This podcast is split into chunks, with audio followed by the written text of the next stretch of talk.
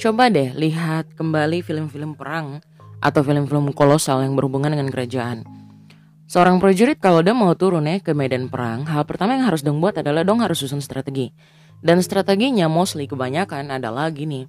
Kau harus lihat kekuatan dan kelemahannya kok. Setelah itu kau bandingkan dengan kekuatan dan kelemahannya lawan. Dari situ kau bisa tahu kau akan masuk lewat mana, kau harus berperang pakai apa, dan macam-macamnya. Dan setelah itu, baru mereka akan turun dengan seluruh tim kerajaan. Selalu seperti itu. Nah sama seperti out of the comfort zone. Sebelum kau keluar dari kau punya comfort zone, kau harus lihat kau punya kekuatan dan kelemahan apa. Kau mau raih apa ke depan yang mau buat kau harus keluar dari kau punya comfort zone. Sehingga ketika kau keluar, kau tuh penuh dengan strategi, bukan keluar dan tiba-tiba kau juga tidak tahu kau mau bikin apa.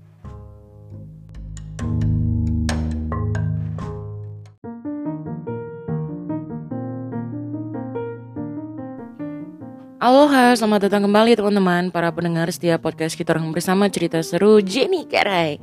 Hari ini tong masuk dalam podcast bulan Februari. I'm so sorry teman-teman.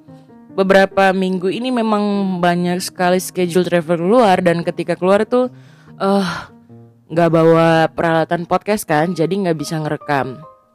Bulan ini itu ketong akan bahas tentang bagaimana keluar dari titik aman atau comfort zone yang mungkin selama ini menabobokan kita orang. Tapi kenapa sih Tong harus ambil tindakan itu? Apakah memang benar-benar penting dan signifikan? Oh iya, sebelum Jini Karai mulai, teman-teman jangan lupa untuk dukung podcast ini. Caranya gratis, bah. Silakan follow cerita seru Jenny Karai di Spotify. Silakan subscribe dan beri bintang 5 di Apple Podcast. Dan kalau kau pengguna Anchor atau Google Podcast, jangan lupa untuk klik follow. Simple kan dan gratis. Oke, okay, let's jump. Uh, apa sih sebenarnya comfort zone itu? Comfort zone itu rutinitas atau perilaku sehari-hari yang biasa Tong lakukan. Karena kita orang sudah terbiasa dengan kebiasaan itu, Tong akan cenderung mengerti bagaimana cara membuat diri kita nyaman dan tidak stres. Itu yang ketong bilang comfort zone. Kajian, baru kenapa Tong harus keluar dari comfort zone? Dia punya jawaban sederhana, for the better future demi hidup yang lebih baik dari sekarang.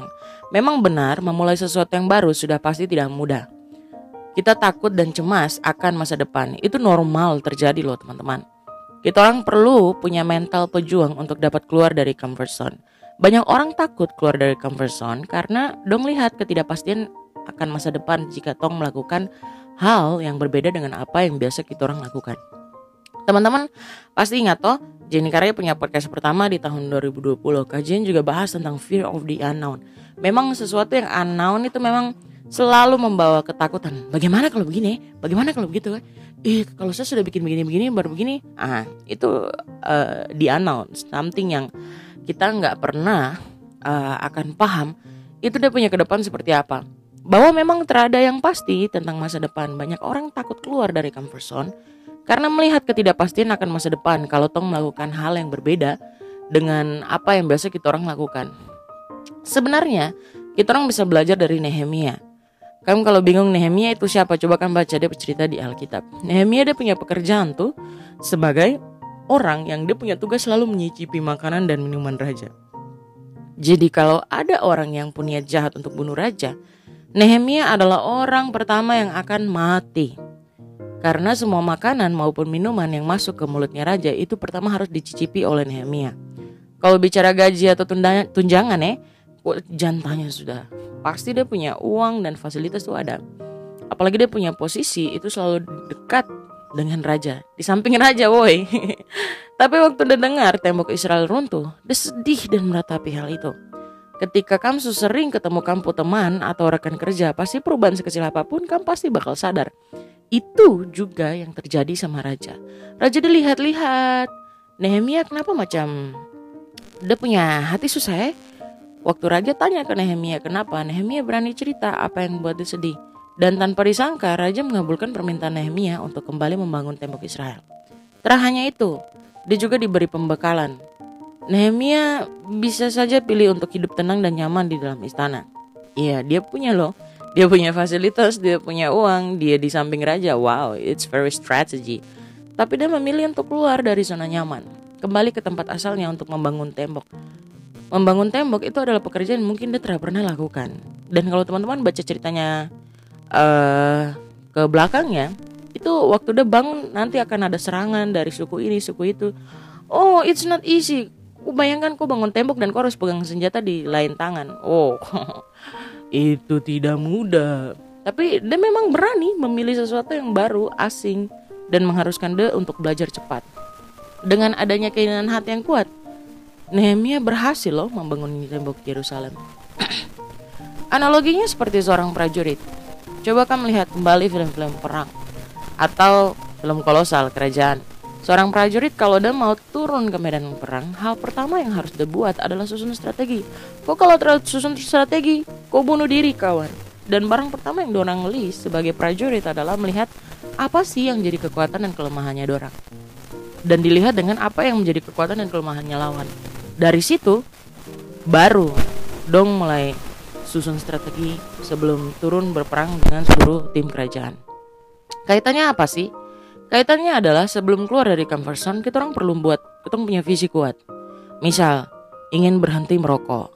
Di sini kita perlu melakukan perencanaan bagaimana kita bisa berhenti merokok. Dengan punya perencanaan, tong terakan asal-asalan berhenti rokok. Jika asal-asalan terhadap tekad yang jelas, terhadap tujuan yang jelas, uh, nanti papa pasti akan kembali untuk merokok, tapi dengan level yang lebih berat. Kajian terus, kalau saya punya rencana untuk keluar dari comfort zone, Well, belajar dari Raja Daud. Waktu dia melakukan perbuatan asusila dengan Bathsheba, pada saat itu Raja Daud seharusnya pergi berperang, tetapi dia memilih untuk diam di istana. Saya kasih ingat, saya kasih ulang ya, belajar dari Raja Daud. Waktu dia melakukan perbuatan asusila dengan Bathsheba. Pada saat itu, Raja Daud seharusnya pergi berperang toh, tapi dia memilih apa? Dia memilih diam di istana. Dia percaya diri akan memenangkan peperangan.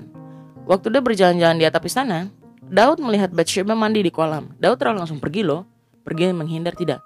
Tapi dia terus tatap Bathsheba sampai akhirnya dia tidur dengan perempuan itu. Hasilnya, teman-teman pasti tahu Bathsheba hamil dan Daud melakukan konspirasi untuk membunuh suaminya Bathsheba.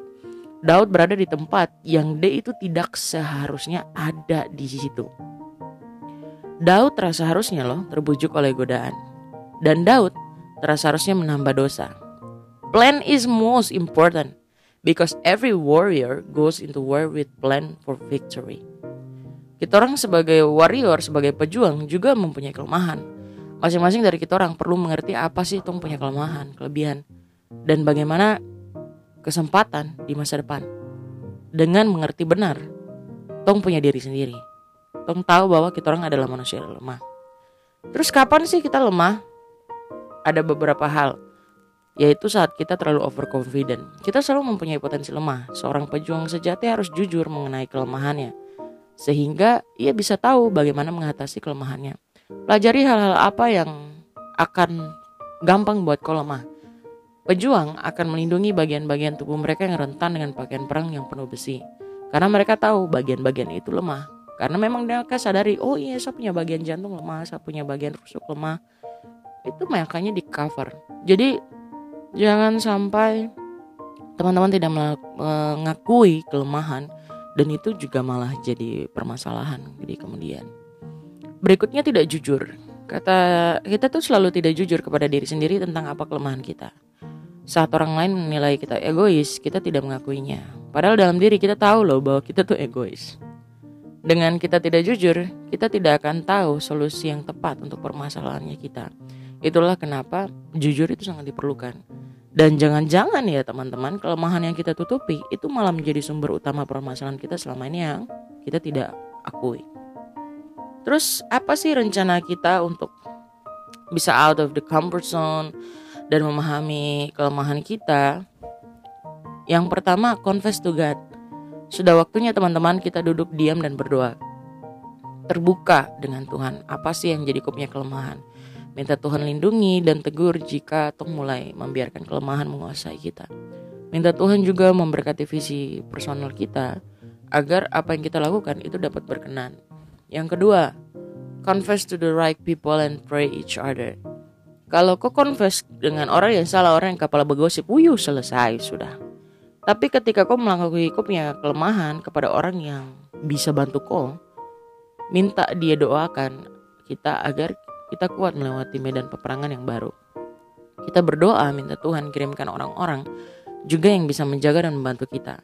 Sehingga ya kembali lagi kita akan ngomong tentang inner circle kan.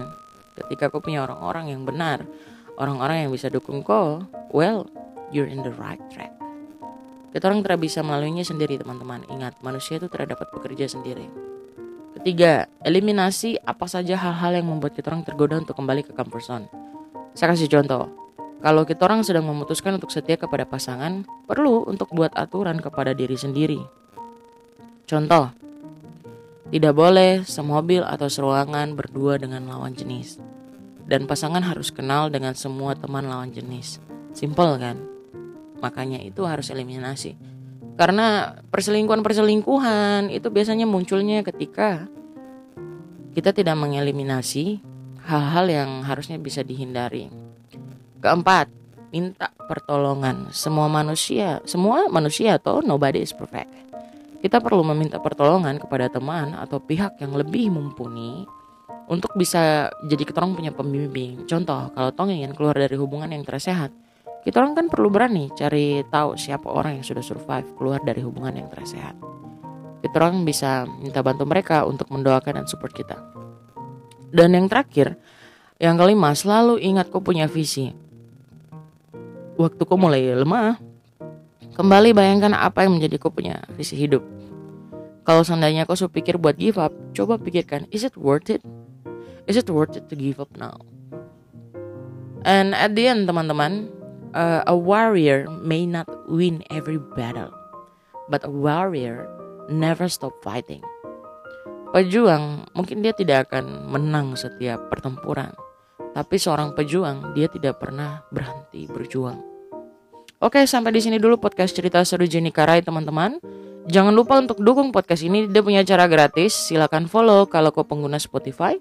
Silahkan subscribe dan beli beri, teh beri bintang 5 kalau kau pengguna Apple Podcast dan bila kau pengguna Anchor dan Google Podcast. Jangan lupa untuk klik tombol follow. Jenny Karai akan senang banget kalau teman-teman DM tentang masukan atau mention atau testimoni setelah dengar podcast ini. Dan jangan sungkan-sungkan atau malu hati buat DM di Instagramnya at Jenny Karhay.